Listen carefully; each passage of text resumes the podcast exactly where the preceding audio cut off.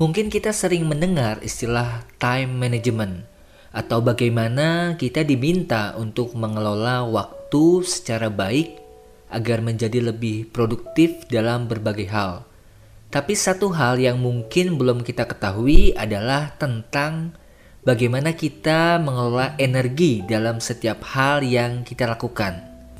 Karena sekalipun kita memiliki banyak waktu yang tersisa di sepanjang hari, tapi energinya sudah tidak, maka tidak akan banyak yang bisa kita lakukan.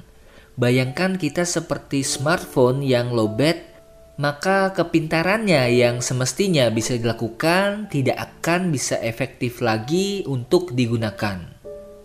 Waktu adalah sesuatu yang tidak bisa diperbaharui. Artinya, ketika sudah berlalu, kita tidak akan bisa mengembalikannya lagi tidak peduli seberapa hebat kita mengelolanya. Kita sama-sama memiliki waktu yang terbatas setiap hari, yaitu 24 jam, tidak kurang ataupun lebih. Berbeda dengan waktu, energi adalah sesuatu yang sering kali tidak terlihat, padahal berdampak besar terhadap apa yang sedang kita kerjakan. Energi bisa berarti kekuatan fisik, emosional, kemampuan fokus, dan juga energi spiritual, atau tujuan dan juga alasan kita dalam melakukan segala sesuatunya. Time management adalah kemampuan untuk mewujudkan rencana-rencana kita secara lebih terukur dan juga efisien. Dalam time management, kita akan berlatih cara untuk memodifikasi waktu dan menjaganya agar bergerak sesuai dengan sistem yang sudah dibuat. Time management biasanya identik dengan pembuatan jadwal, membagi prioritas, dan juga menciptakan rutinitas. Intinya membuat waktu menjadi seefektif dan juga seproduktif mungkin.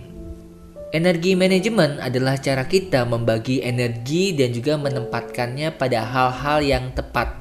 Ini termasuk apa saja yang menjadi prioritas untuk dilakukan dalam waktu dekat. Dalam mengatur energi ini, itu artinya kita juga peduli terhadap kesehatan fisik maupun mental, sehingga bisa tampil optimal di waktu yang memang kita inginkan. Mengelola waktu maupun energi membuat kita terlepas dari aktivitas yang terkesan sok sibuk atau tidak punya waktu, bahkan perasaan merasa tidak dapat mengerjakan banyak hal tepat waktu. Berikut ini adalah beberapa dampak nyata yang mungkin kita rasakan ketika kita tidak mampu mengelola dan menempatkan energi secara baik. Hal ini bisa terjadi dalam lingkungan pekerjaan maupun kehidupan sehari-hari. Yang pertama, menjadi mudah lelah dan kehabisan tenaga, padahal masih banyak waktu yang tersisa. Yang kedua, merasa tidak produktif, banyak membuang waktu untuk hal yang menurut kita tidak penting dan juga sia-sia. Yang ketiga, banyak kehilangan momen dan juga kesempatan berharga baik dalam pekerjaan maupun sosialisasi atau aktivitas sehari-hari. Yang terakhir, kualitas diri menjadi menurun, baik dalam kinerja ataupun hubungan dengan orang lain.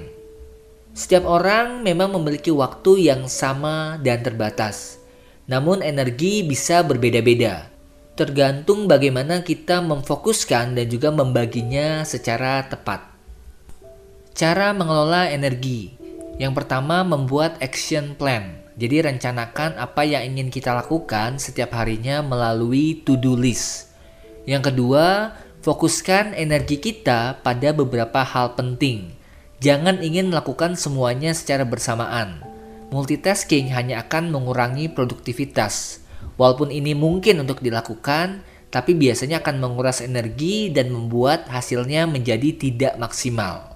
Selanjutnya, cara ketiga adalah dengan recharge atau melakukan isi ulang energi dengan melakukan hal yang kita sukai dan juga membuat kita bersemangat. Dan yang terakhir, jangan lupa untuk terkoneksi dengan orang-orang yang penting bagi hidup kita. Ini juga akan membuat kita terisi kembali. Selanjutnya terdapat beberapa atau jenis-jenis energi yang kita miliki. Yang pertama adalah energi fisik atau kemampuan tubuh dalam bergerak dan juga beraktivitas. Nah, ini melibatkan organ tubuh secara langsung. Untuk menjaganya agar tetap produktif dan optimal, fisik kita perlu dilatih dengan rutin berolahraga, istirahat yang cukup, jadi sebisa mungkin tidak melewatkan waktu tidur atau mengurangi durasi tidur, dan juga memilih makanan yang kita makan, karena kita adalah apa yang masuk ke dalam tubuh kita. Energi kedua adalah energi emosional. Ini sangat melibatkan mood, perasaan, dan juga kebahagiaan yang kita miliki. Oleh karena itulah, kita perlu memiliki emosi positif dengan membiasakan diri bersyukur setiap hari. Ya, ini mungkin terdengar klise, tapi sangat efektif. Kita merayakan kemenangan kecil dan juga memaklumi kesalahan yang mungkin kita buat dan memperbaikinya setiap hari. Jadi, ambil waktu, entah ketika memulai hari dan juga mengakhiri hari, untuk bersyukur dan juga melepaskan beban di kesehariannya. Mungkin ada kegagalan atau kesalahan yang perlu kita terima secara baik. Yang ketiga adalah energi mental. Ini sangat terkait dengan apa yang kita pikirkan dan menjadi fokus kita dalam melakukan segala sesuatu.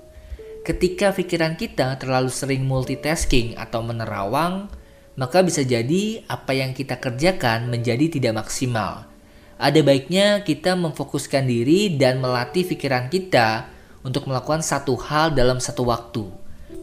Pada bagian akhir buku ini juga terdapat latihan mindfulness yang bisa melatih energi mental dan juga fokus kita agar menjadi lebih baik. Yang terakhir adalah energi spiritual atau tujuan dan juga alasan kita dalam melakukan segala sesuatu. Inilah yang perlu kita cari dan miliki sebelum melakukannya mulailah bertanya ke dalam diri sendiri mengenai apa yang mendasari sebenarnya kita melakukan segala sesuatu dan ke mana sebenarnya kita ingin menuju. Ini bisa menjadi daya ungkit dan juga daya dorong yang efektif dalam mencapai setiap tujuan.